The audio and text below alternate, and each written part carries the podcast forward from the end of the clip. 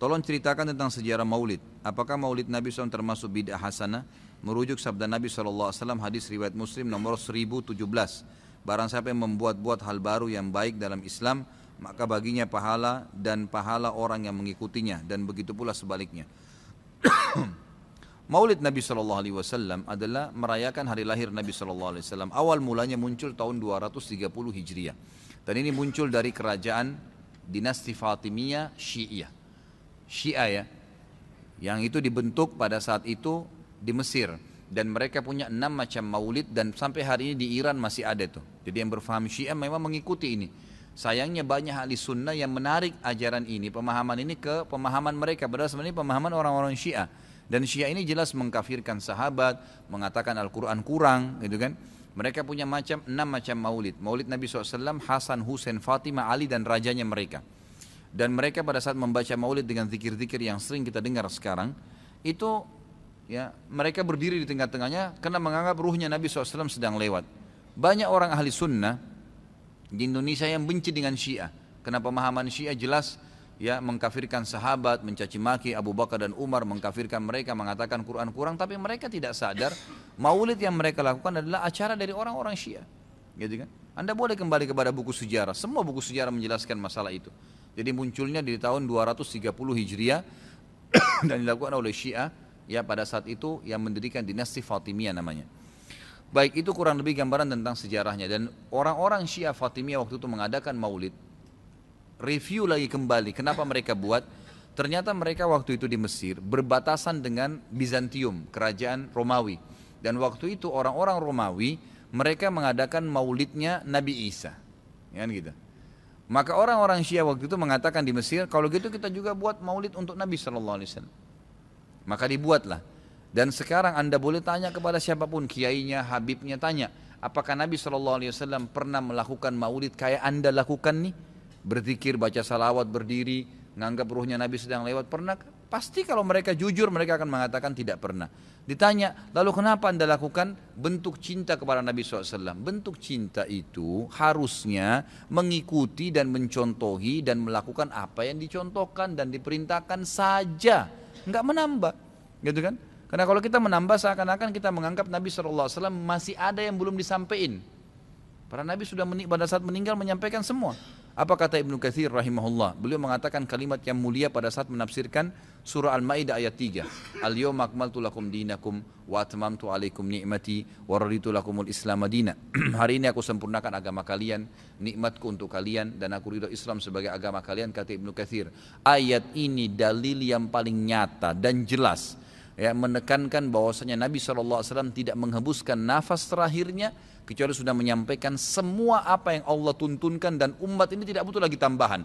Yang kecil sampai yang besar yang samar-samar sampai yang jelas. Gitu kan? Semua dijelaskan semua sudah disampaikan.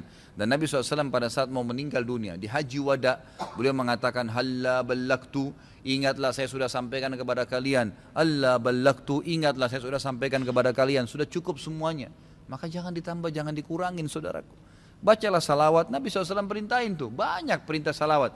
Baca 10 kali pagi, 10 kali sore, zikir pagi sore. Boleh juga dijadikan sebagai zikir rutin kita tiap hari. Nabi SAW perintahkan untuk baca salawat, gitu kan? Dianjurkan untuk membaca. Di hari Jumat disuruh memperbanyak salawat untuk Nabi SAW.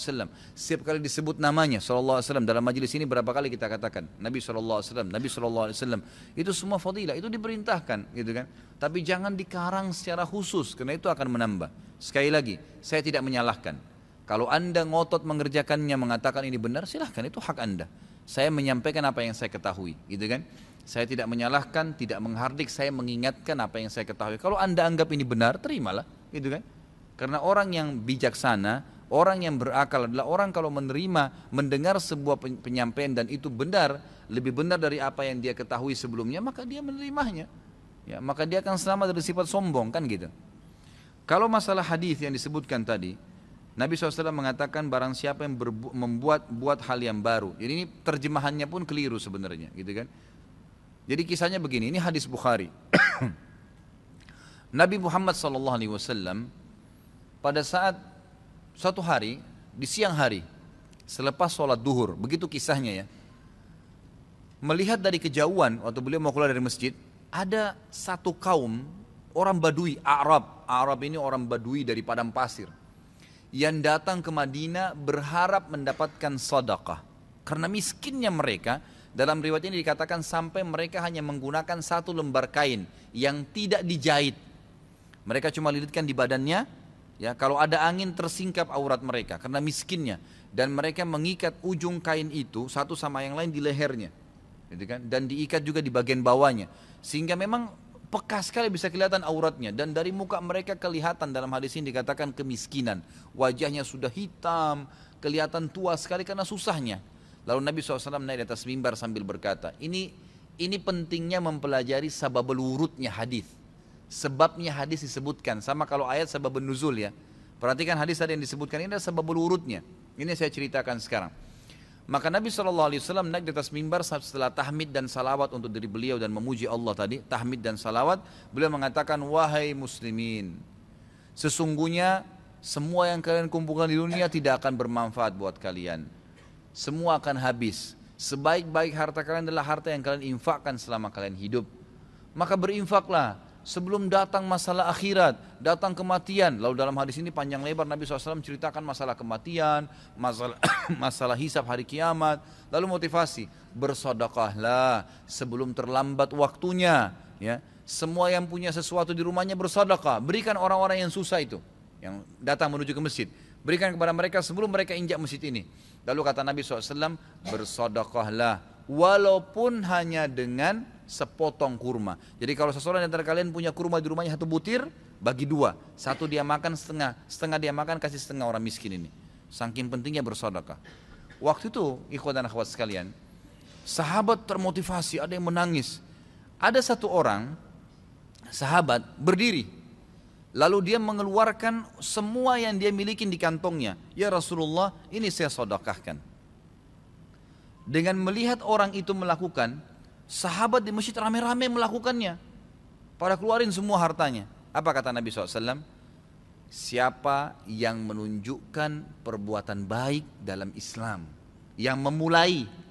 Kenapa? Karena tadi ini orang memulai kasih maka dia akan mendapatkan pahala orang yang melakukannya tanpa dikurangi sedikit pun dari pahala orang yang melakukannya. Jadi kalau kita ajak orang ke masjid atau kita ajak orang bersedekah, lalu dia dapat pahala nih, 10 pahala misalnya karena sholat atau karena sedekah. Kita kena mengajaknya, diberikan juga pahala 10 tanpa dikurangi dari pahala dia. Kan begitu.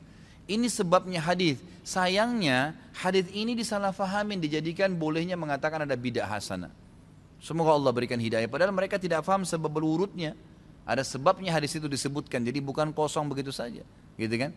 Jadi mudah-mudahan ini bisa difahamin apa yang telah Nabi SAW sampaikan.